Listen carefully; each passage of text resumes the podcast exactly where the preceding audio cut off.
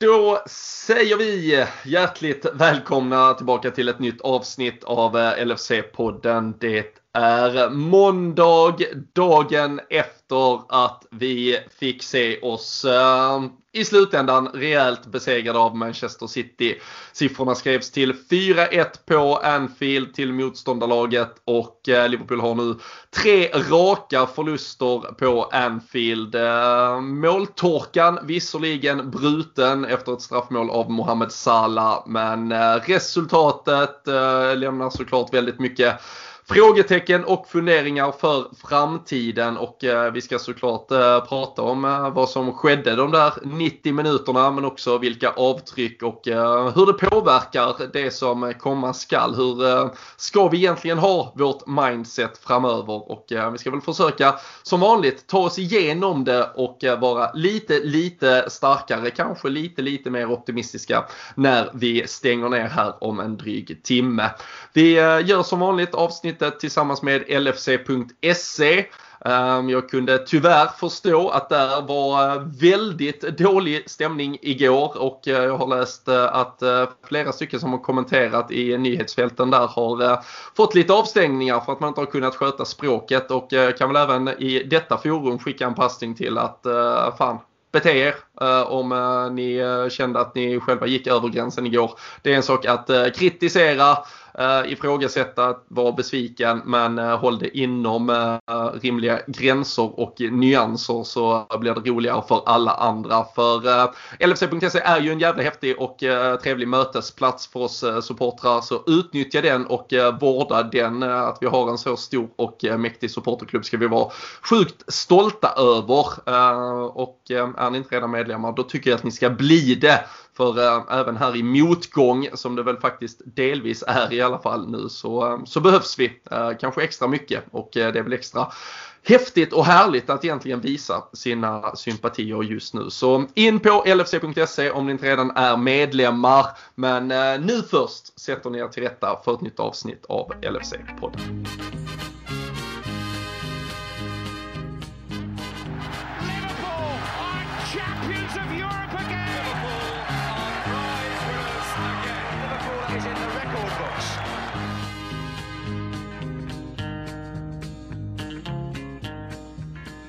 Jajamensan, jag har eh, själv i alla fall satt mig till rätta och eh, jag gör det tillsammans med Fredrik Eidefors. Eh, ganska exakt 24 timmar efter det blåstes av på Anfield igår. Men det är en match som sätter sina spår för längre tid framöver kanske. Ja, det kan man säga. Jag tycker att eh, talesättet “When it rains, it pours” ungefär passar mm. väldigt bra in just nu. För det är eh, det är inte nog med att man kommer från två förluster som du nämnde här i introt och, och förväntar sig, ja, inte vinna mot City kanske, men studsa tillbaka på något sätt. Men eh, som det som sagt fint heter, när det väl regnar så då öser det verkligen ner så som jag sa. Och eh, det gjorde det ju verkligen igår till slut då. Det var väl egentligen så att jag med facit i hand här lite nu och har lugnat ner mig ytterligare om jag säger så, så tycker jag inte riktigt att slutresultatet är vad som speglar hela situationen just nu. Men det blir ju ändå det till slut då i och med att vi, vi är i den krisen vi är och sen då förlora på hemmaplan med så stora siffror Robin. Det är, ja, det, det, är väl klart att det händer nu. Det är väl lite så jag känner att, eh, att det skulle inte hända för ett år sedan eller för två år sedan. Det, det är nu det händer och då, då, då blir det sådana här siffror till slut. Så att, eh, det är en, eh, jag vet inte riktigt om jag börjat vänja mig än, men det är, det är lite konstig känsla just nu att följa det här laget. Det är eh, en, en sak som är säker. Mm.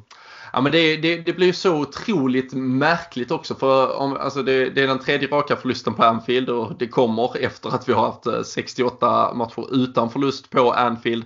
Samtidigt så är det ju så otroligt annorlunda på många sätt mot de här två matcherna vi har haft tidigare med Burnley och Brighton eh, 0-1 och 0-1 och en, en pissig jävla straff där mot Burnley, något eh, jävla skitmål mot Brighton och där känns det ju som att vi kommer inte upp i, i någon nivå det ska ju sägas och det blir alltid svårt att prata om det när man förlorar med 4-1 i slutändan. Men det fanns ju stunder igår där vårt spel trots allt var väldigt mycket bättre än vad det har varit i många andra situationer. Och jag fick känslan lite att eh, det är många som har reflekterat över Klopps eh, intervju efter matchen. Han upp, känns kanske än mer uppgiven än man har gjort eh, tidigare. Där är vissa sekvenser där han är direkt frustrerad och irriterad. Det är en sida av Klopp som inte är jättecharmig. Behöver vi inte prata jättemycket om. Men där är, det var en uppgivenhet som jag tror ändå kände sig att han kände nog fan någon, i vissa stunder i matchen igår att fan, vi fick ändå igång, alltså vi skapar ju inte chanserna och vi förtjänar inte att vinna matchen men det var liksom ett embryo till någonting. Det började hända lite. Vi, vi fick till vissa saker men även när vi då får till vissa saker då är det något annat som gör att vi förlorar och i detta fallet är det ju Alison Becker som är, som är liksom utslagsgivande i, i sättet han hanterar eh, situationerna som leder till, till 2-1 och 3-1 framförallt. Eh, och sen finns det ju jättemånga aspekter till och vi kommer att prata om dem. Men, men håller du med lite om att det kändes som att att, att vi, ja, är det, tror du, ligger det något i den tolkningen jag får av Klopps uttalanden igår eller? Ja, alltså 4-1 får det ju allting att låta så jävla illa. Alltså förlora hemmaplan mot vilket lag som helst, det, det, det är inte jättekul och dessutom mot det laget som man ska utmana, det, det gör det ju ännu värre. Men det är som du säger, det fanns stunder. Det är... Eh, alltså, ja, jag vet inte, det, det är så himla konstig, konstig situation just nu så jag vet inte riktigt vad jag ens ska säga kring det. Men det är... Eh, det är mycket att ta in alltså. Det är, eh, jag vet inte riktigt vad jag ens ska svara på frågan för jag är helt så här, Ja, det är, jag har fortfarande inte vant mig vid detta Robin. Jag vet inte vad jag ska säga. Det är första gången på, på. Som, jag, som jag är mållös. Ja, det är helt, eh, och då sitter jag ändå och lyssnar på vad du säger. Men kan ändå inte komma på någonting vad jag ska säga. Det är, sitter fortfarande och tänker på hur det måste kännas i Klopps skalle och spelarnas skalle just nu. Och, ja, jag, jag, vet inte. Det är förlåt för det men eh, mm. ja. Du är, du är förlåten. Tack. Du, du är alltid förlåten Fredrik ja, för allt, allt tack. du gör. Uh, nej men jag tycker också, jag, bara för att egentligen få det sagt, alltså vi, för jag orkar inte att vi, vi fastnar i, i en podd här där vi pratar i en halvtimme om uh, Allisons individuella misstag.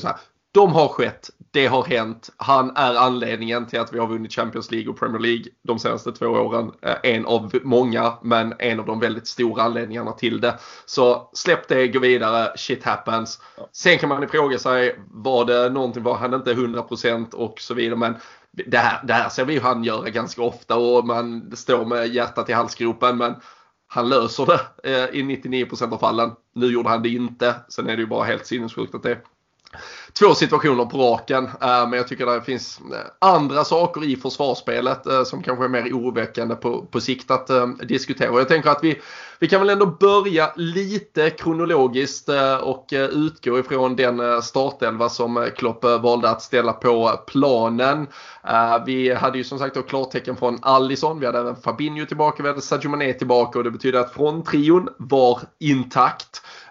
Som vi brukar se den. Det betyder också att Klopp Klopp tog beslutet att spela både Fabinho och Henderson som mittbackar. Eh, Nat Phillips gick ju från eh, vikariet till bänken och sen Kabak var på bänken.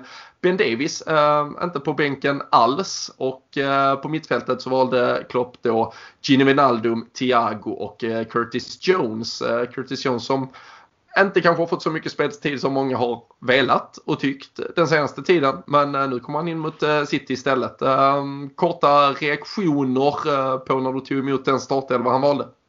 Eh, positivt skulle jag vilja säga. Jag eh, satt väl som många alla, alla gjorde visserligen innan och hoppades då att de här eh, spelarna som sagt som varit borta skulle komma tillbaka. Det var ju det absolut viktigaste kände jag.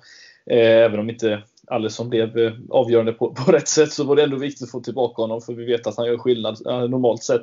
Men just att Jones fick eh, chansen såg jag bara egentligen positivt. Vi behövde få in extra fart på mittfältet. Det har inte bara på anfallsfronten. Det har sett rätt trubbigt ut där. Det har inte hänt någonting därifrån. Och, Jones vet vi och tycker även under matchens gång att han visade sig prov på att han kom i lägen där normalt sett våra anfallare kommer till. Men att få upp en extra mittfältare som vi har pratat om så många gånger tidigare. Det, det gör en stor skillnad för det är eh, en extra spelare att behöva tänka på för Man City. Så att eh, för min del så tyckte jag det bara var positivt och eh, jag hoppas att vi fortfarande får se honom mer. Sen vet vi att han är en, ung kille som fortfarande lär sig och eh, jag hoppas vi bara får tillbaka Keita snart för att eh, kan han få komma igång lite, vi har sagt det tusen gånger, jag vet, men eh, hålla sig frisk, få spela lite så är han ytterligare då en dimension som, eh, som, som vi kan få in. Så att, att Klopp tänker bara att få spela en sån spelare tycker jag också är, är bra. Alltså. Det, var, det var min spontana känsla.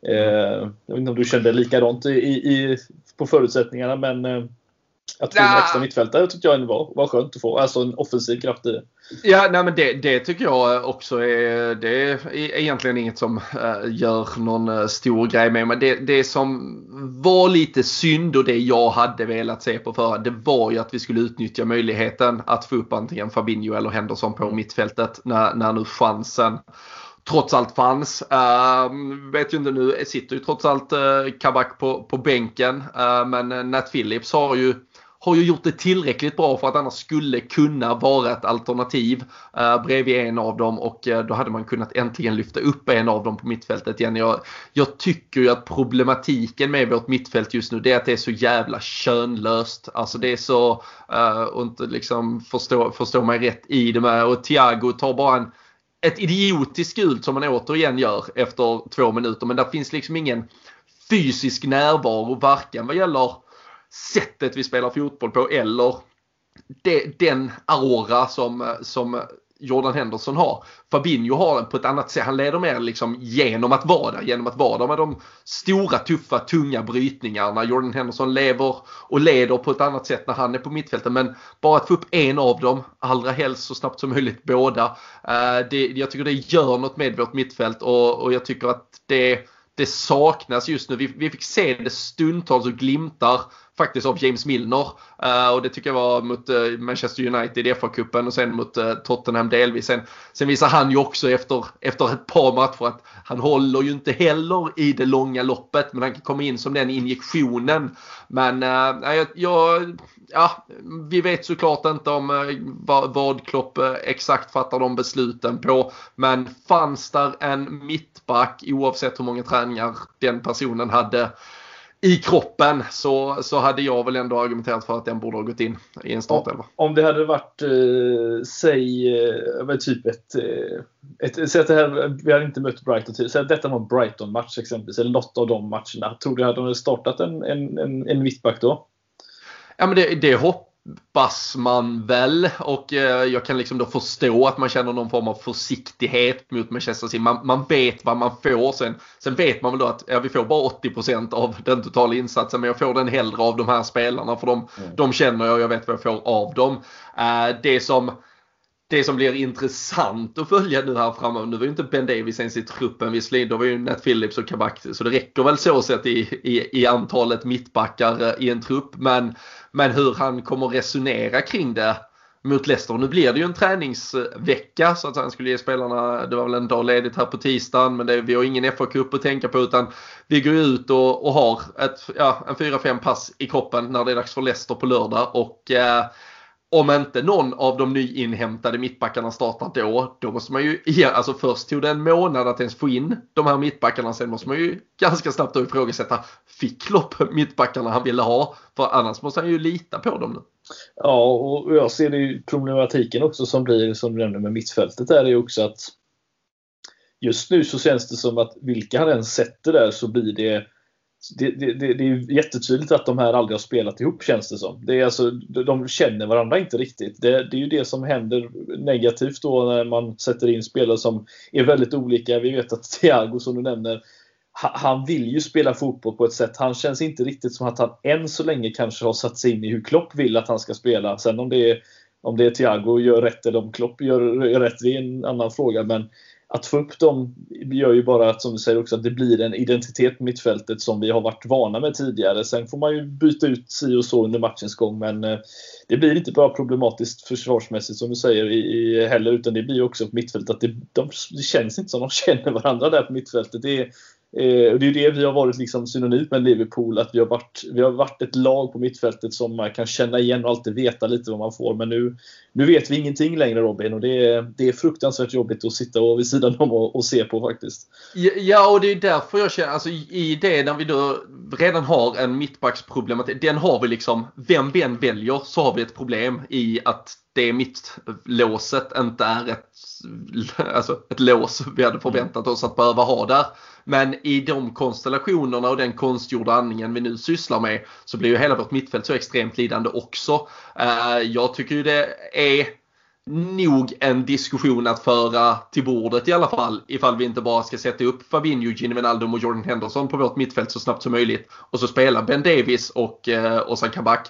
För att det, de hade väl varit tredje och fjärde eller fjärde och femte val inför en säsong. Men ja, nu har vi massa skador och då får de ju gå in och spela. Men laget i övrigt är ju faktiskt exakt det laget som liksom har, har gått obesegrade i all jävla oändlighet i massa eh, tävlingar och liksom kan, kan göra jobbet på, på så många plan. Och vi vet hur bra det mittfältet kan skydda sin backlinje. Vi vet hur det lag, alltså med ett, en Fabinho i den defensiva rollen, vad han kan vara för en sköld. Vi vet vad Jordan Henderson i sitt liksom, dynamiska mittfältspel kan ge oss på alla håll och kanter och framförallt hur mycket han kan hjälpa eh, Trent Alexander-Arnold också när det behövs. Så eh, ja, där känner jag väl lite, det, det, blir, det blir jävligt intressant att se för där, där finns ju faktiskt inget, alltså Klopp är till och med tydlig. Alltså Kabak kommer från Bundesliga där han spelat vecka in vecka ut. Visst, det är ett Schalke som varit jätteutsatt och det har varit eh, piss och mög och allting för deras del. Ben Davis, han kommer från Championship. Han är inne i att spela match efter match efter match, liksom ofta två gånger i veckan. Uh, och man kan säga mycket om Championship, men liksom att det finns tempo och att det finns fysik och liksom att det, han vet vad som krävs för att spela på den här nivån. Det har han ju. Uh, så jag, jag tycker ju och hoppas verkligen att in, in med er och spela på lördag mot Leicester. Båda två samtidigt alltså? Ja, absolut. Mm. Det, det, tycker jag. Mm. Uh, se, för, framförallt får jag be, jag satt i, igår man börjar tänka och det snurrar ju i skallen så in i helvete på hur fan vi ska lösa problematiken och man börjar tänka nya formationer. Och, och det kan ju vara liksom drömbilder men det kommer ju Klopp aldrig göra. Alltså att, att han att han går ifrån sin 4-3-3 det tror jag är liksom det sista som händer i mm. något form av liksom skaka, skaka saker och ting till liv här. Uh, men uh, nej, jag, jag hade nog velat se det. Uh, alternativet är ju och vi ska ju på, nu har vi helt släppt Manchester City. Men fan vad det var skönt i och för sig. Men, men, men, men en Diogo Jota som är på väg så kanske en 4-2-3 skulle kunna vara aktuell för att då kan vi också använda Thiago i en position där han är mycket mer van från sin tid i Bayern München att spela för just nu. Det, det, det, ser ju alla att det har ju inte funkat än så länge. Uh, och, och, vem vi ska skylla på eller om det är lönt att skylla på någon, skitsamma. Men, men att det inte är optimalt det är ju ganska uppenbart i alla fall. Ja, nej men det är som sagt, vi, vi, har tillräckligt med problem som det är. Och det är jag tycker alltså, just igår så var det så fruktansvärt jobbigt också. För nu känns det som att alla lagen, de vet att vi lider. De, vet, de, de kommer aldrig gå in i en match eh, tills vi studsar tillbaka och vinner 10 på raken mer eller mindre. Om det nu händer.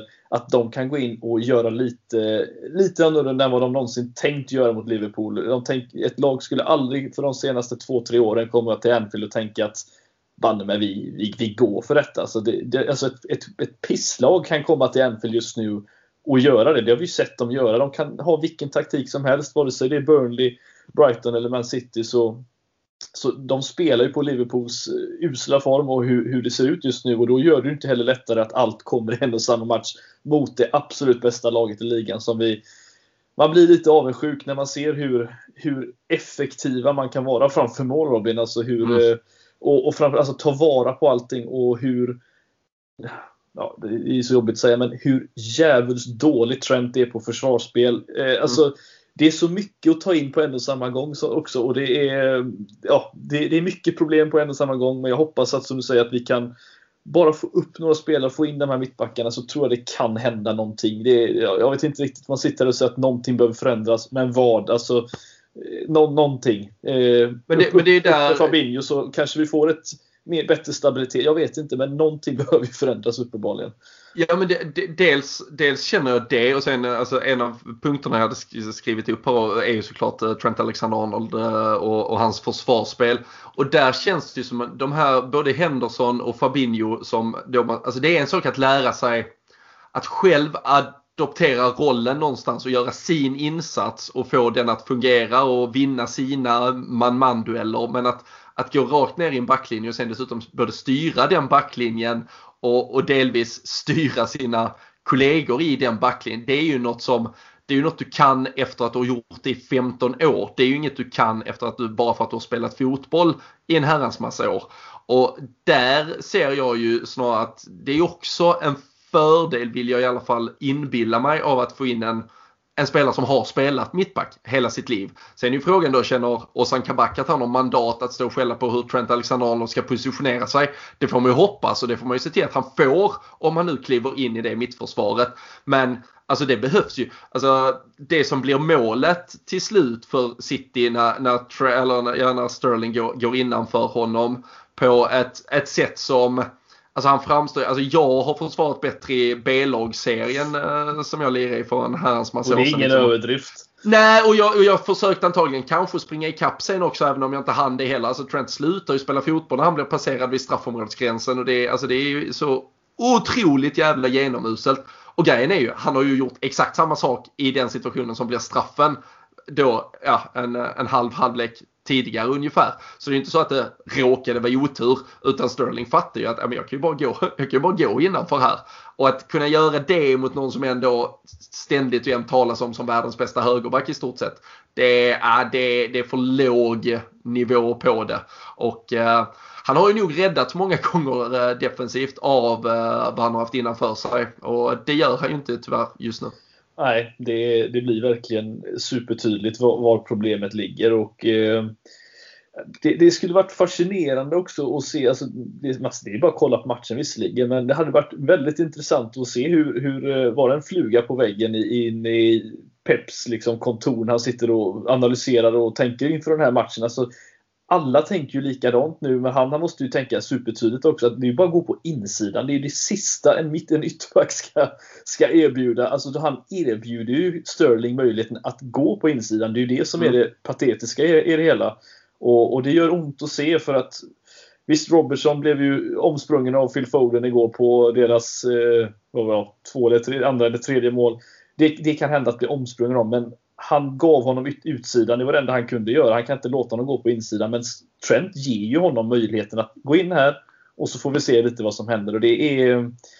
Nej, han, har, han har kommit undan, tycker jag, lite för mycket av den här... Eh, jag, jag, vill inte heller sitta i den här podden och klaga och säga att det är det som, som faller på det hela, för det var ju Alessons misstag i slutändan. Men det är väldigt lätt och, och verkar som att eh, på en match se vart Liverpools största problem ligger just nu. Inte bara att vi inte gör mycket mål och liknande eller vinner matcher, men att, att utnyttja våra svagheter. Och det, det, det gör ont att kolla på faktiskt, för det, är, eh, det har varit så stabilt länge, men eh, nu är det bara som sagt en riktig bajsmacka av det hela. ja, och eh, som sagt, det var ju det vi började på egentligen. Så att, att Alisson Becker inte sätter två bollar i, i gapet på en anfallare lär ju inte hända uh, igen uh, till helgen, får man hoppas. Men att uh, Trent Alexander-Arnold släpper insidan mot Harvey Barnes eller någonting kan ju tyvärr mycket väl hända. Så det är ju ett större problem, den, den försvarsinsatsen som tyvärr är ganska återkommande just nu. Ja, men det är som sagt, det, det, det är ju som jag sa i början här att 4-1 låter extremt mycket och det är klart att när du får två misstag som Alisson dessutom gör på så kort tid. Du hinner ju liksom inte ens andas innan nästa problem och, och när, det står, när det väl står 3-1 i den situationen vi är nu så eh, det spelar ingen roll om det är 4, 5 eller 6-1. Alltså det tredje målet dödar allt hopp och, och tror på, på att det, någonting ska hända. Det är, så att, nej, det är bara så typiskt att, allt, att han gör de här misstagen i en och samma match på så kort tid. För det, gav ju inte oss en chans att börja starta om på något, på något sätt. Och det, ja, det är bara att lyfta på hatten för City känns det som nu va? Ja. ja, men det gör vi. Vi, eh, vi eh, smyger över med eh, pokalen, ger dem en halv flaska champagne och så, så firar vi faktumet att vi redan har mött dem två gånger nu så vi kommer inte behöva ge någon jävla Guard of Honor eller något annat Nej. skit. Bara en sån sak. Ehm, det är ju faktiskt så. Jag tror vi har United har vi typ så här med tre omgångar. United kommer inte ha vunnit Premier League Nej. med tre omgångar kvar. Men man, man, man undviker ju det gärna om man ges chansen. Så behöver man inte göra som Bernardo Silva och skämma ut sig genom att inte applådera när, när det väl är dags. Så uh, nej, det, det, det slipper vi kan vi konstatera. Men uh, jag tänkte på en um, ytterligare aspekt, inte nödvändigtvis från matchen men du, du nämnde Sadio Mané var också en av spelarna som var tillbaka. Jag, jag fastnade lite Intressant men eh, egentligen jävligt tragisk eh, statistik. Han har alltså på 16 matcher sedan eh, derbyt mot Everton i höstas, skräckderbyt på alla sätt och vis, gjort tre mål. Roberto Firmino får alltid skit för att han inte gör någonting, tycker man. Mohamed Salah hade väl varit, jag sa han hade varit, tänk, tänk om detta hade varit Salah, han hade inte bara varit hängd, han hade varit avrättad och nergrävd och allt möjligt. Men att eh, Sadio Mané har tre mål på eh, nästan ett halvår i eh, ligaspelet det är ju också ett problem. Så, som många andra just nu i laget. Ja, jo men det är ju verkligen det. Och eh, vi, vi, vet ju vad han är kapabel till att göra. Alltså, det är en spelare som för ja, två år sedan vann skytteligan liksom som, som winger. Och det är vi, vet vad han kan göra. Sen, sen, är det som sagt, det, hela den här säsongen. Alltså, jag skulle nästan tycka att vi kan stanna lite och prata om, om en liten annan grej med kring detta. För jag tror att han blandas in i det hela där med. Men Alltså det här laget och mentaliteten. Vi har pratat om det här mentality monster och det har vi visat gång på gång. Och nu, nu är det ju en sån här säsong som det är och jag tycker inte att man ska glömma av det med det här laget fortfarande. Hur mycket alltså, vi är ju bara människor också i slutändan och vi har känslor och de har känslor precis som alla andra. Men att det här laget aldrig fick uppleva eller fira de triumferna de har gjort. Alltså de måste ju ha det måste ha tagit en hel del på dem. De har inte liksom fått det erkännandet känns det som, som de borde ha fått. Jag vet inte om du förstår vad jag menar, men alltså, de har inte de har inte hyllade till, till Ja men alltså, det, jag, jag, tror inte folk... Nu är tur att detta är en Liverpool-podd, för hade det här varit en Premier League-podd så hade nog folk avrättat mig för att säga detta också. Men att vi, är ett, vi är ett annorlunda lag, Liverpool. Vi, vi trivs med fansen på läktaren mer än någon annan känns det som. Vi, vi, ska, ha, vi ska ha fansen i ryggen vi ska ha en parad när det här laget har vunnit efter 30 år som inget annat lag med Gerard och Carragher lyckats göra.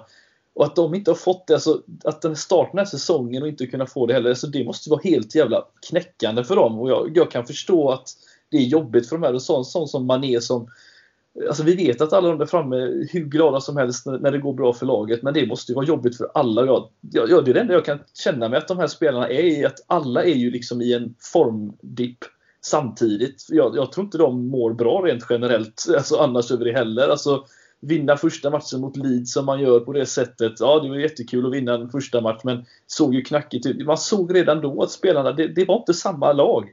Det är, och jag, jag, tror att skulle du sitta ner med en, en spelare och fick öppet, eh, öppet prata om det här så, så, tror jag att alla skulle säga samma sak. Och det, det är det som har tärt på det här laget tillsammans med alla skador. Det är det är ett jävla helvete den här säsongen. Alltså, det är, ja, det är bara ja, det är svårt att sätta sig in i situationen som de här spelarna, men det kan inte vara lätt för dem. Alltså, det är, Nej, jag vet inte. Nej, men jag, jag tror alltså det är, det är liksom, det är ju ett jävla, alltså det är klart. Och det finns alltid så här, det finns värre saker i livet. Jo. Bla bla bla. Vi vet. Det är liksom så här, det behöver vi inte, vi behöver inte precisera var på liksom helvetesskalan vi befinner oss. Men eh, om det finns liksom något eh, stigma kring att prata liksom lite så här, lite mental hälsa. Så det är ju inte, jag, jag tror det är superviktig eh, alltså del i det som, som du är inne på. Och jag tror det är en skitstor del till förklaringen.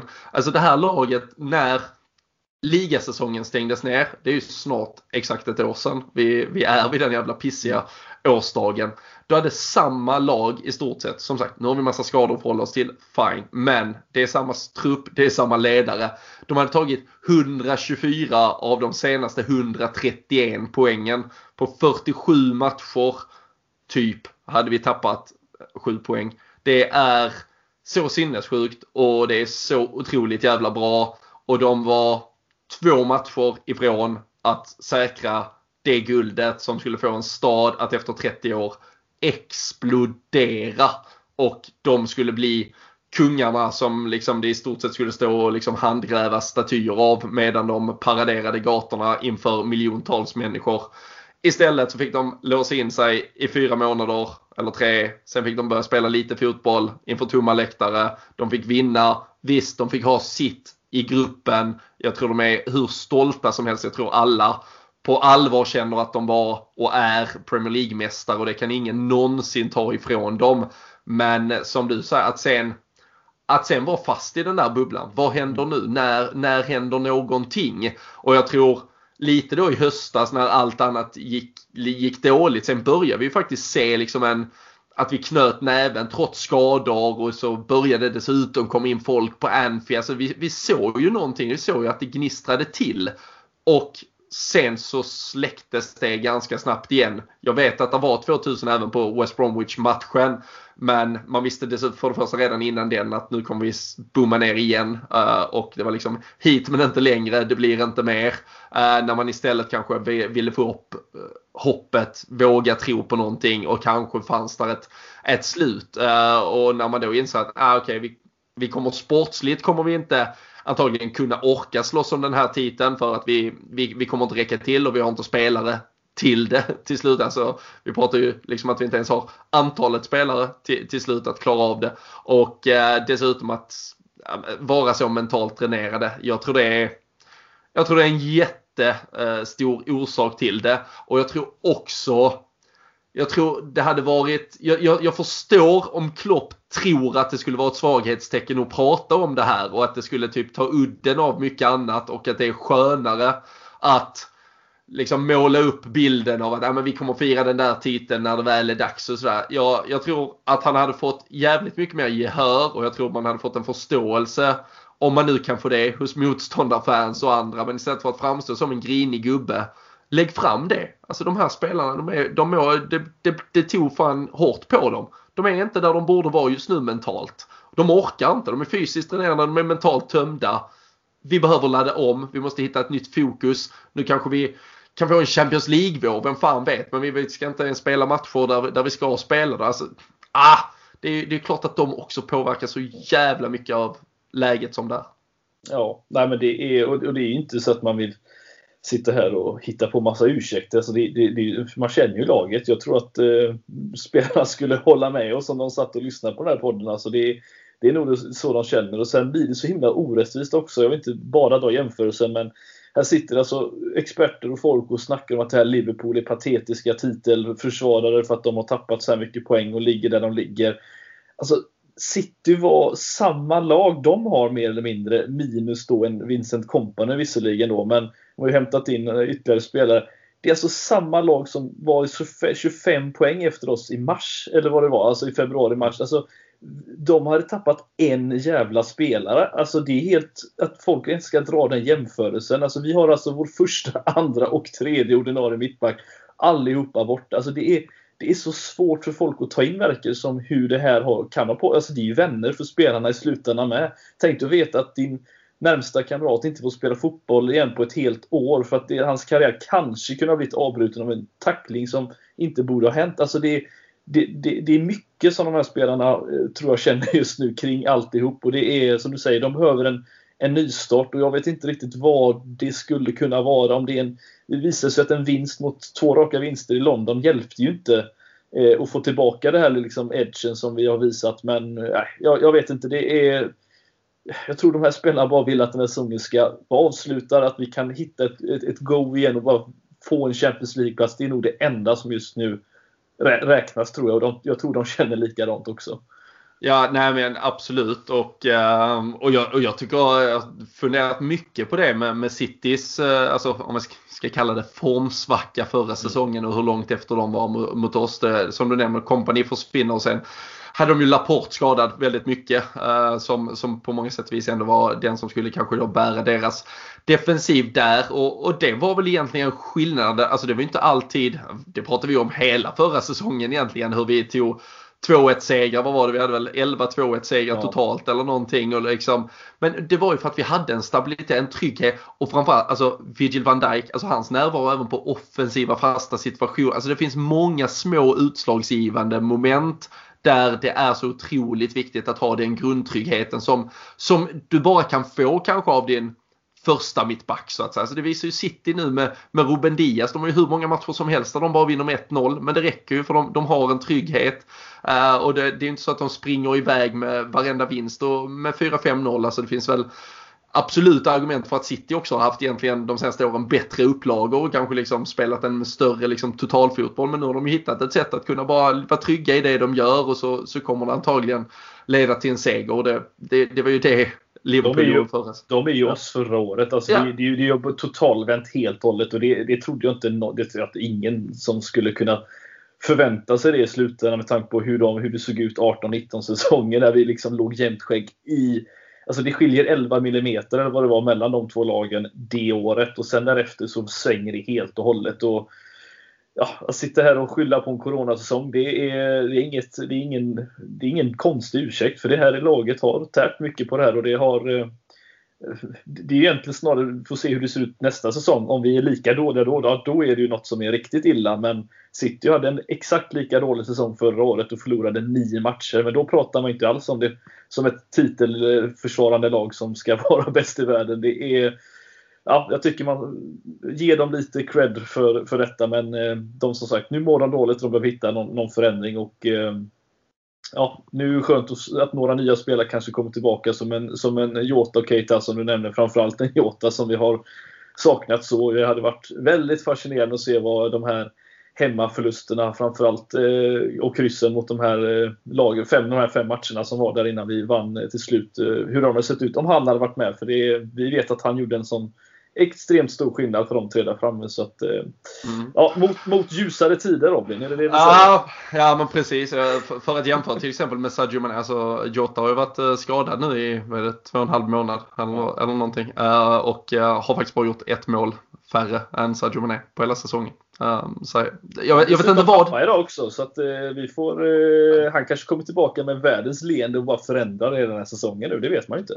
Då är det därför han har haft så jävla mycket tid till att spela Fifa nu innan han har spelat ihjäl sig. Världens bästa Fifa-spelare typ. Det är helt ja, jag, jag, är inte, jag är inte tillräckligt eh, bevandrad men eh, jag kunde förstå att det där var ett rätt bra lag han hade byggt ihop och att det väl var eh, ganska så bra winning. Vad var det? 70 raka vinster eller något sånt ja, han hade också. Galet ja. i alla fall. Ja sig själv i laget i alla fall. Sen var det Så mycket klart gamla legender och, eh, och annat. Men eh, är det något mer från City eller ska vi försöka släppa den eftersom den är så jävla tråkig att prata om egentligen?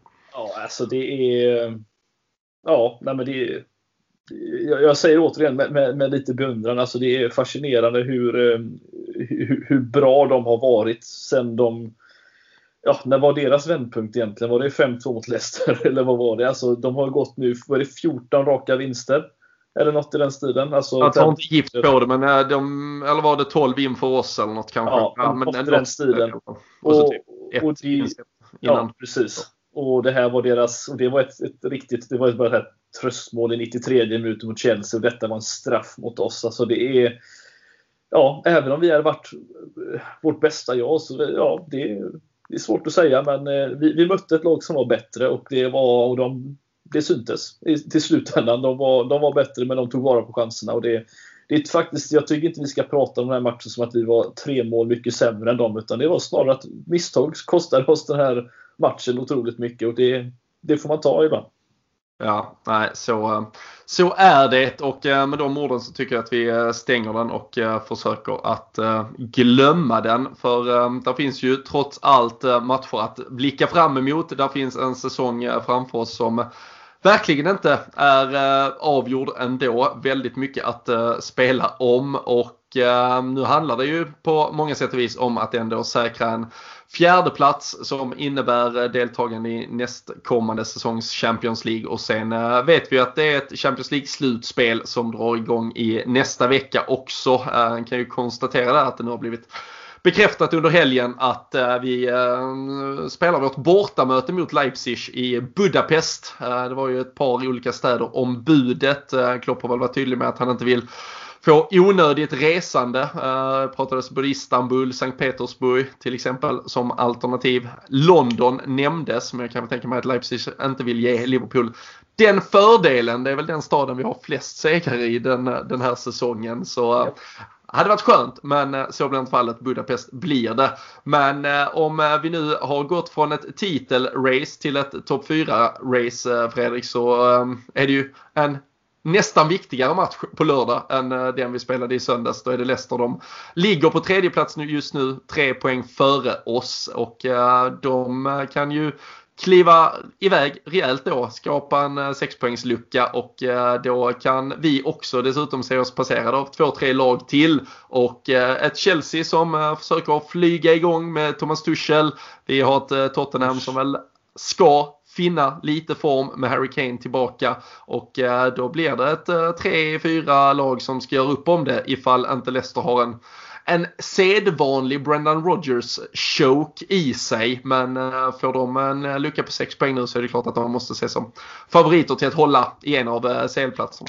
Ja, det är, det är ju inte jättemycket kvar nu om vi säger så. Det är, visst det känns som att det är, det är lite mindre än halva men ändå. Det är det går snabbt och det har vi ju sett nu i de här matcherna som har varit de senaste 7-8 matcherna att vinner man inte då, då börjar lag ta, ta komma, komma ikapp så att säga. Men det som jag tycker är sjukt Robin när man sitter och kollar på tabellen det är ju just hur vi har eh, slått de lagen som verkligen ligger runt omkring oss och vilken jäkla tur det har varit med tanke på hur allt annat har sett ut. Alltså, här går vi och slår Leicester ganska komfortabelt, eller väldigt komfortabelt på hemmaplan och det är ju jättekul och så slår man som sagt Chelsea, man har slått West Ham gånger två, Tottenham gånger två. Alltså det, det är ju...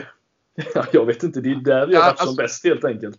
Alltså utöver City då så är det ju alltså bara Aston Villa i topp 11 vi har förlorat mot. Och det mm. vet vi var en, eh, en crazy game liksom. Annars har vi ju alltså segrar mot Leicester, vi har seger mot Chelsea, vi har seger mot West Ham, vi har kryss mot Everton, vi har seger mot Tottenham gånger två, vi har seger mot Arsenal, vi har seger mot Leeds.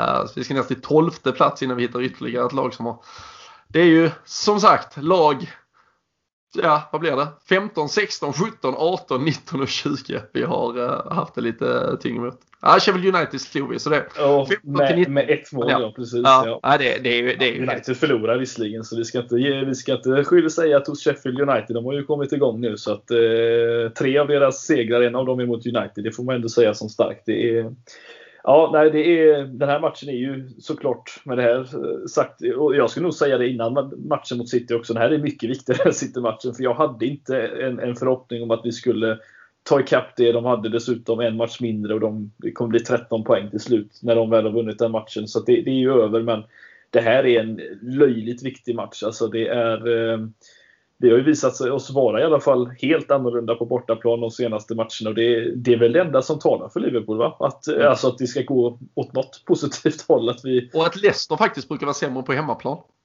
Är det Precis så? som oss då. Ja, de har, de har varit riktigt bra på bortaplan framförallt. Mm. har inte den uh, vi kan se hemmatabellen här. Det ligger jämnt skägg annars. Leicester, Le ja. Ligger nia i hemmatabellen. Oj då. Vi ligger, uh, vi, ligger, vi, vi, nej, vi ligger tvåa i hemmatabellen.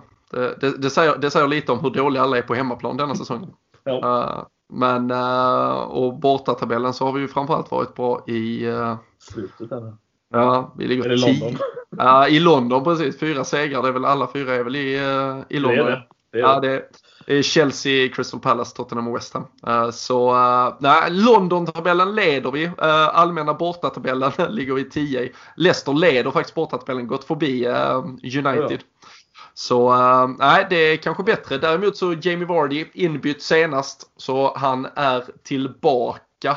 Uh, det nu det var ju min första fråga egentligen, för den matchen såg aldrig jag. Men det Alltså, även med eller utan honom spelar inte så stor roll. Vi vet ju lite vad de, vad de kommer komma med. Men med han där framme så då, blir det ju, då, blir, då går man på tårna lite mer än vad man gör annars. Som sagt, man vet att det ligger någon snabb jäkel där framme på, på rulle och eh, ett misstag så, så gör han mål. Det är ju tyvärr så det fungerar med Vardy. Och, eh, men ja, jag, jag mm. gissar väl att laget måste ju känna, känna någon form av kanske liten trygghet om man får säga det så. För det var inte länge sedan vi var och vann en bortamatch återigen då. Och det är, det är väl det enda jag tänker att spelarna får, får ta med sig. Att det kommer bli lite mer ytor och det är, det är väl det enda som jag känner att spelarna måste ta med sig nu. Att det är, vi har varit bra på bortaplan på sistone och nu, ja, nu tar vi det därifrån. Det är, det är det enda jag kan tänka mig. Trent kanske ska eh, sitta och kolla eh, fjolårets match från eh, King Power Stadium på repeat för att hitta Japp. tillbaka till livsglädjen. Japp, japp. Det är, om, ja, vi tar väl inte, vi säger väl inte nej till en liknande vinst på, på lördag? va? Nej, fan, det, hade, det hade varit något. Hur ser vi, två frågor, vi ska prata lite om matchen såklart, men just om vi pratar ändå topp 4-racet, hur, hur ser du på det? Det är, ju- det är ju ingen som verkligen vill vill visa vad de går för denna säsongen. Men om vi ändå ska tro att Manchester United påstår att de ska vara med och, och jaga där i toppen så bör de väl ha fallhöjd eh, ner till en fjärde plats. Eh, Leicester eh, som har tredjeplatsen nu men där finns ju alltid något som, eh, någon farhåga kring att det kanske skiter sig. Eh, Chelsea som sagt fått lite tuschelfart. Spurs har firma Kane, Son tillbaka nu. Everton har någon match mindre spelad. Två Till och med Aston Villa, ja, och Aston Villa lurar där bakom eh, också. Eh, så det är ju många om budet som eh, när de har spelat sina matcher kommer ligga där runt om vi jag tittar på det just nu runt 40-42 poäng kanske. Eh, men eh, det är klart att vi bör kunna känna en eh, känsla av att nog fan ska vi kunna lösa det. Men hur ser verkligheten ut egentligen tror du? Alltså, verkligheten är ju att vi har jag har varit inne, i, eh, varit inne i en riktigt dålig form nu eh, under en lång period och eh, ändå gått och vunnit viktiga bortamatcher. Jag, alltså, det, det som är svårt att säga och det kanske vi sitter och poddar om, säg om en om fyra, fem matcher, vad vet jag. Alltså, det kanske är så att vi, vi kommer ur den här. Alltså, vi vet ju inte exakt hur det kommer sluta. Det, förr eller senare så kommer ju Liverpool att inte vara inne i den här formdippen som, som de är i just nu. Och det är, för det här laget är alldeles för bra för att fortsätta, alltså fortsätta så här dåligt resten av säsongen. Med, och nu knackar jag lite på ett bord där vid sidan om, för det kanske jag inte skulle sagt. Men jag, jag tror ändå att vi är så pass bra. Vi kommer få tillbaka lite viktiga spelare här förhoppningsvis snart. Vi har just två mittbackar också som har kommit in. Jag, jag tror att spelarna vet om att det är fjärdeplatsen som gäller. Det, det är ja, topp fyra i alla fall. Och eh, med tanke på att det inte är så många alltså, lag som går och kryssar mot Fulham, West Ham exempelvis. Det kommer vara sådana matcher för många lag. Leicester gick ju förlora mot Leeds. Så det, det kommer att se ut så här. Så att eh, det kommer bli jäkligt tight. Men eh, jag tror vi är tillräckligt bra för att ta en fjärdeplats. Det, det skulle vara en riktig skräll annars skulle jag säga. Mm. Ja, vi, eh, vi hoppas väl att eh, så blir eh, fallet och en viktig start som sagt på lördag. Då med möte Tidig med match också va? Leicester. Exakt, älskar Klopp verkligen. Men senast vi spelade tidigt, minns du när det var? Kanske jag har missat någon längs vägen men det var Crystal Palace i London. Oh! 7-0. Så det tar vi gärna. Ja, den tar vi. Det är taget. Vi, vi, vi, är, vi är alltså trots, trots det här är vi faktiskt det näst, eh, mest målglada laget i, i ligan den här säsongen. Bara ett bak, framför City visserligen. Men det, det är svårt att tänka sig det lite som du säger att vi är ett bra hemmalag också med tanke på hur det sett ut på sistone. Men det säger ju en del om hur första delen av säsongen har, har sett ut för oss. Men eh, ja, det är som sagt, det hela den här säsongen är helt galen. Alltså, jag vet inte vad jag ska säga. De har faktiskt släppt in, släppt in färre mål än Manchester United trots att de har haft eh, 800 miljoner eh, Harry Maguire eh, till att leda deras försvarslinje. Eh, Det är faktiskt. Det är egentligen, det är ju egentligen den här om man säger, defensiva kollapsen mot City nu. Annars var det faktiskt vi hade, man fick gå tillbaka till Everton-matchen i, Mm. återigen där, i oktober innan vi hade släppt in mer än eh, ett mål i någon uh, ligamatch. Eh, Så ja, men det är, och det har vi väl nämnt så många gånger. Det, det är därför jag också känner det här med att vi måste få in, vi kan inte hålla på och offra, det är inte, så sett är det inte det är inte spelarna längst bak i den backlinjen som är problemet. Och inga lag kommer ändå attackera oss på ett sätt där de kommer liksom utnyttja att vi har på pappret svaga mittbackar. För det, då kommer vi kunna straffa dem. Vi hade kunnat ställa nästan vem fan som helst där. Utan hellre få upp spelare på högre upp i planen. Och eh, vi hoppas ju verkligen nu här Fredrik att Klopp kanske får lite ja, men befogat och ordentligt huvudbry vad gäller laguttagningen mot Leicester. Eh, Diogo Jota och eh, Naby Keita eh, intensifierade sin träning eh, lite då fortfarande i och för sig på egen hand men i förra veckan pratas om att de går tillbaka i lagträning denna veckan. Då brukar väl Klopp normalt prata om att det kanske ska vara två, tre eh, sessioner med, med allt och alla för att det ska, sen nu har de varit borta ett tag så det är kanske såklart Mm. eh, olika. Men, men om de två skulle vara redo. Ehm, det är dessutom då ett par mittbacksalternativ som nu har fått ett par dagars träning. Eh, och då ska man ju värdera att vi ser någon Champions League ett par dagar senare om man nu vill hålla på någon och sådär. Men hur, hur hade du ställt upp laget mot eh, Leicester eh, på lördag för att kanske dels både få en liksom väcka laget men, men också för att börja bygga något som ska vara det som tar sig i mål på de här 15 återstående ligamatcherna? Jag hade ställt Adrian, nej det hade jag absolut inte gjort. Eh, Allison får fortfarande spela. Eh, det, vi får ge honom eh, ett nytt förtroende som sagt. Men sen känner jag lite spontant så här att Kabak får gärna komma in eh, och spela. Vi behöver som sagt lite, lite hot och så vitt jag har, ja, det jag har sett av honom så är han inte en Kyrgiakos när det gäller att springa. Så att det finns ju lite speed i fötterna i alla fall i honom. Så det är ju positivt. Men jag ser gärna en backlinje eh, lite emot det du säger, eller halvt i alla fall, med, med Trent Kavak, Henderson och Robertson. Mm. Eh, flytta gärna fram Fabinho på mitten och få vad jag skulle säga på pappret, den lite mumsiga mittfältet. Det kommer aldrig hända, men det är min dröm. Eh, Keita, Thiago och Fabinho. Det tror jag hade varit ett... Eh, hade vi fått se det någon gång så tror jag vi hade vunnit den matchen i alla fall. Det hade varit kul att se dem eh, ihop och se lite vad de kan erbjuda. Men eh, nu tror jag väl att det blir en Fabinho, Thiago och eh, Wijnaldum möjligtvis i så fall. Och det känner väl jag mig ganska nöjd med. Och så får det bli de tre där framme som vanligt och så får Jota komma in och stänka dit en boll i, i slutet av andra. Det, det hoppas jag gärna. Men jag, jag, tror inte vi får se de här spelarna starta. Det, det, tror jag inte Klopp. Eh, även om det kanske hade varit vad de hade behövt för att förändra något i laget. Så tror jag inte att han eh, startar dem i alla fall. Det, det har jag svårt att se. Nej, ja, det är det jag känner. Så ofta har det ju faktiskt varit så. Eh, de säger, just eftersom det finns något i det som när, när vi spelar alla de som på pappret är de ordinarie spelarna eh, och så gör de då ändå delvis då i andra positioner. Så det, det känns som att vi letar efter någonting som vi inte riktigt hittar när vi, mm. när vi måste skaka om det. Alltså jag fattar att Crystal Palace borta är en jävla freakmatch och det blir 7-0 men det, bara att det var Minamino istället för Salah, alltså det är ju på pappret ja. ett mycket sämre lag men plötsligt så visste vi inte riktigt, vi visste knappt själva vad vi sysslar med och Crystal Palace visste det ännu mindre och, och plötsligt löpte alla in centralt eh, från ingenstans istället för att bara stå kvar och hålla sin kant till exempel. Alltså det, ja, där känner jag som du är inne på med Keita och Jota att det är kanske det är kanske det de hade kunnat bidra med och, och som är spännande. Sen håller jag med dig om att jag tror det är på det sättet Klopp också kommer tänka vad gäller den här mittbackspositionen. Jag, jag tror inte han kommer slänga in två stycken och kanske inte att det behövs. Och jag håller helt med dig då uh, nu också framåt att uh, det kanske, för jag tyckte faktiskt Fabinho visade nu, alltså Henderson har faktiskt nästan visat ännu mer som mittback mm. än, än Fabinho.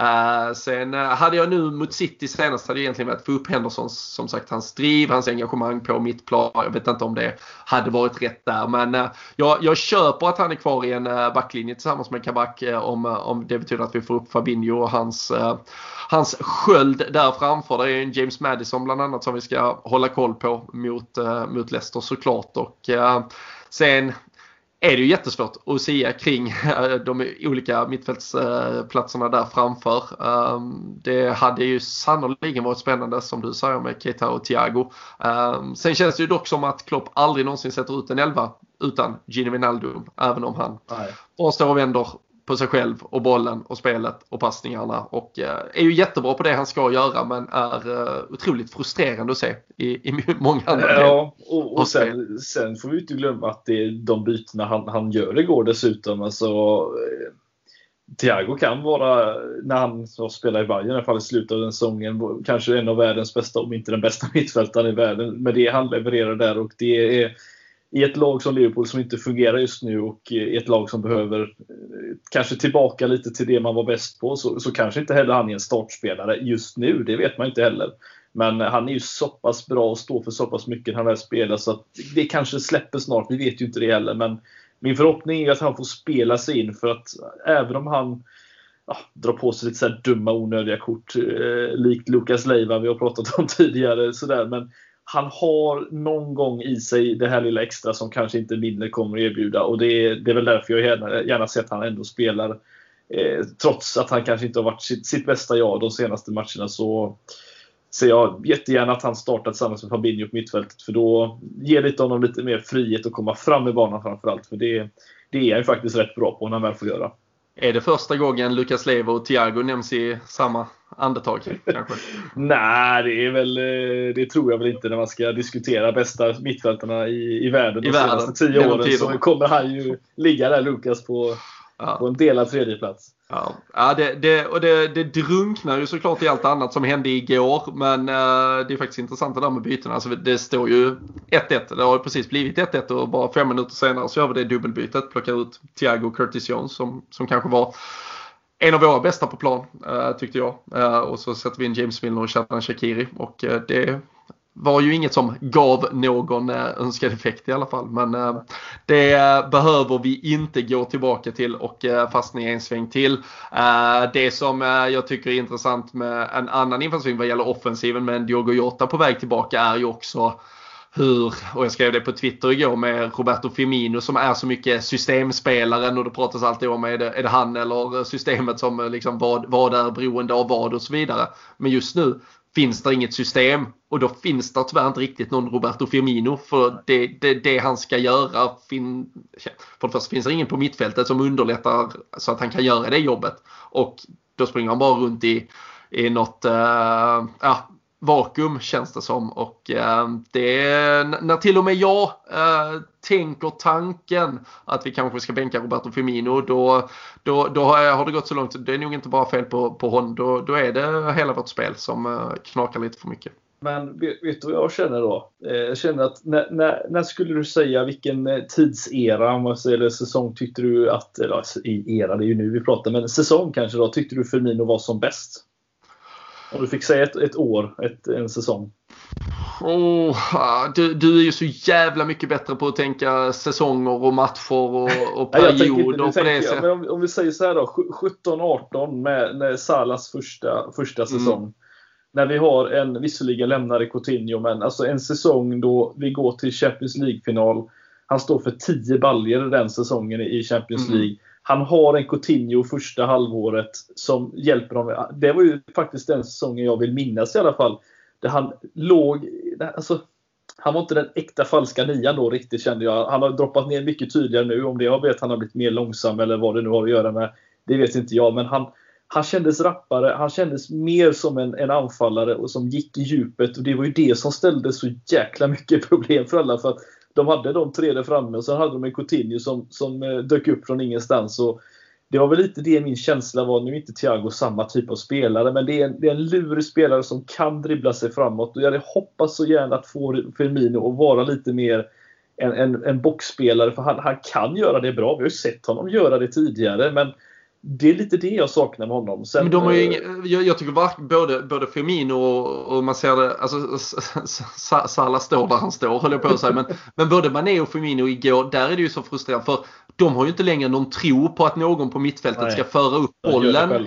Ens, så de går ju ner så djupt och hämtar det hela tiden. Alltså, mm. jag, jag, förstår att Curtis Jones till exempel inte är där som fotbollsspelare. Och framförallt så kanske han inte har det mandatet på planen för att de här ska lita på honom till att göra det. Men ge någon chansen att göra det istället så att de kan vara 5-10 meter högre upp i banan. Det, nej, det, för, för det slutar i 9 fall av 10 så slutar det med att Firmino eller Mané ändå står felvända och spelar bara tillbaka bollen och så gör vi om samma sak igen. De, de får ju aldrig chans. När det kommer en spelare med fart så kan de ju också utnyttja sitt liksom, väggspelande och små eh, kvicka eh, snabba fötter liksom för att komma fram. Så äh, det är ju ett, ja, det är en dominoeffekt av, av väldigt mycket just nu som gör att väldigt många är, är just fem meter fel eh, positionerade känns det som. Men sen får vi också tycka, om vi tar dem som ett exempel nu, tar de tre lagen som är framför oss. De har ju faktiskt en sak gemensamt, alla de tre, utöver att de ligger före oss. Och det är ju James Madison, Bruno Fernandes och i detta fallet då Ilkay Gundogan. Alltså det är tre mittfältare som står för, för tillfället just nu allting i anfallsspelet för Manchester City, ja, eh, Leicester och, och United. Och Det är också ett sånt tecken på att, eh, för man pratar, man pratar alltid om anfall och hur viktiga de är att göra sina mål, men nu har du switchat om lite, jag säger inte att det är specifikt den här säsongen, men kolla hur viktiga de spelarna är och vad de gör för dem där framme i deras anfallsspel. Så hade Firmino fått lite mer hjälp tillsammans med att de hade haft någon som de kan lita på på mittfältet som driver fram bollen så, så hade det varit annorlunda. Och jag tror att kan vi bara få se det med, säg en Keita eller vad som helst som kommer tillbaka nu, eller en Jota, så kanske det blir snabba förändringar. Men det är ju det får vi se först efter Leicester-matchen egentligen om det blir någon förändring där. Men eh, ja, det är, det är en intressant tanke i alla fall. Ja, ja och jag alltså, du kan ju fortsätta lista. Alltså, tittar du Chelsea som bakom alltså, Sen kan man tycka vad man vill om Mason Mount som fotbollsspelare. Men han fyller ju lite funktionen eh, för Chelsea i, i den rollen. Jack Relish är kanske den, mm. ja, det, det, mest eh, utmärkande av, av, den typen av spelare på, i, i ligan under säsongen i övrigt. Och sen, sen är det ju alltså, det är egentligen inget lag åt det. Och det, det blir väl det som summerar den här jävla coronasäsongen också. Att det är ju inget lag som egentligen är är fulländat och system, alltså har ett spelsätt och system som liksom tar över världen. Utan det, det landar på individuell briljans och, och för ett lag som fick så mycket individuellt skickliga spelare eller så många att anpassa sig och bli ett system så, så har vi liksom, nu ska vi gå tillbaka till att ah, men nu blev det istället att vi får lita på er individuella eh, briljans och då, då plötsligt finns inte riktigt den där för den är adopterad till Eh, systemet istället. Så nej, det är många svåra saker att förhålla sig till. Eh, jag hoppas i alla fall att eh, ni kände att vi lämnade City-matchen på något sätt. Fick ett större djup kanske kring varför vårt lag mår som det mår, presterar som det gör. Men Fredrik förgyllde ändå vårt samtal med att ge mig hopp om att vi ska klara en topp 4 placering och när vi är tillbaka efter Leicester-matchen så ska vi ju snacka upp Champions League-slutspelet och bara vi inte typ åker på en 3-0 förlust där utan låt det leva ett par veckor med en dröm om Champions League. Det är fan det enda jag begär just nu av mitt supporterskap. Så uh, tryck dit Nagelsmann, uh, ge han Langos i Budapest och kleta ner hela hans fula kostym som han antagligen Nej, kommer att fan, dyka upp i. Ja, får du ta med dig till modemeckat och njuta av. I Budapest menar du? Ah, det, jag, jag, jag, tänkte att du var från Borås för en stund men uh, då, där, där gillar de ju att sy sina kläder i alla fall. Men tror i och för sig inte det är något från Ellers-katalogen som Nagelsman uh, lirar i kanske. Nej, så. det känns mer som en, en, en, en konkursliknande Jack and Jones-affär mer eller mindre inne i Göteborgs Nordstan. Det är den känslan jag får här nu. Ja, det, värsta, det värsta är väl att det tyvärr är en svindyr Gucci, den han hade i Champions League-slutspelet. Ja. Men så är det. Leicester först på lördag som sagt. Tidig avspark och eh, sen så är det Champions League därefter. Men vi är ju såklart tillbaka innan Yes, Och eh, Liverpool-Leicester här då, eller eh, bortamötet med Leicester är ju också det som sparkar igång hela nästa runda. Vi har ju startat eh, LFC-poddens fantasy vår spurt. Eh, flera hundra som har gått med där. Ni är ju eh, ännu flera hundra som är med i den stora ligan. Men eh, behöver man ta nya tag så är vi ju två veckor in i vår vårsport och jag och Daniel Forsell har spelat in ett litet avsnitt med en avstämning där på hur det går i den fantasy-ligan också kan ju vara kul att lyssna på under veckan och få med sig lite tips inför då nästkommande deadline som är här på lördag, alltså innan Liverpool-Leicester. Så det kan ni hitta på Eh, patreon. Där surfar ni in patreon.com LFC-podden eller så laddar ni hem appen och eh, bara söker upp LFC-podden så får ni ännu mer poddande där. Eh, där kommer också när det är dags för lite tipstävlingar, eh, tröjor nya som ska ut från Samdods och eh, annat kul. Så eh, mycket som händer. Vi håller alltid fanan högt. det är lite surt ibland men det är bara att bita sig i tungan, gå vidare, ta nya tag topp 4-race. Bara en sån sak. Det är fan kul Fredrik när vi började podda om Ja, för en massa år sedan. Då är det knappt sånt man vågar eh, drömma om. Så uh, det tar vi och uh, kör ja, vidare på. Så är det. Stort tack för att ni har lyssnat. Stort tack för att ni är med oss. Vi hörs och ses snart igen. Så får ni ha det så bra så länge.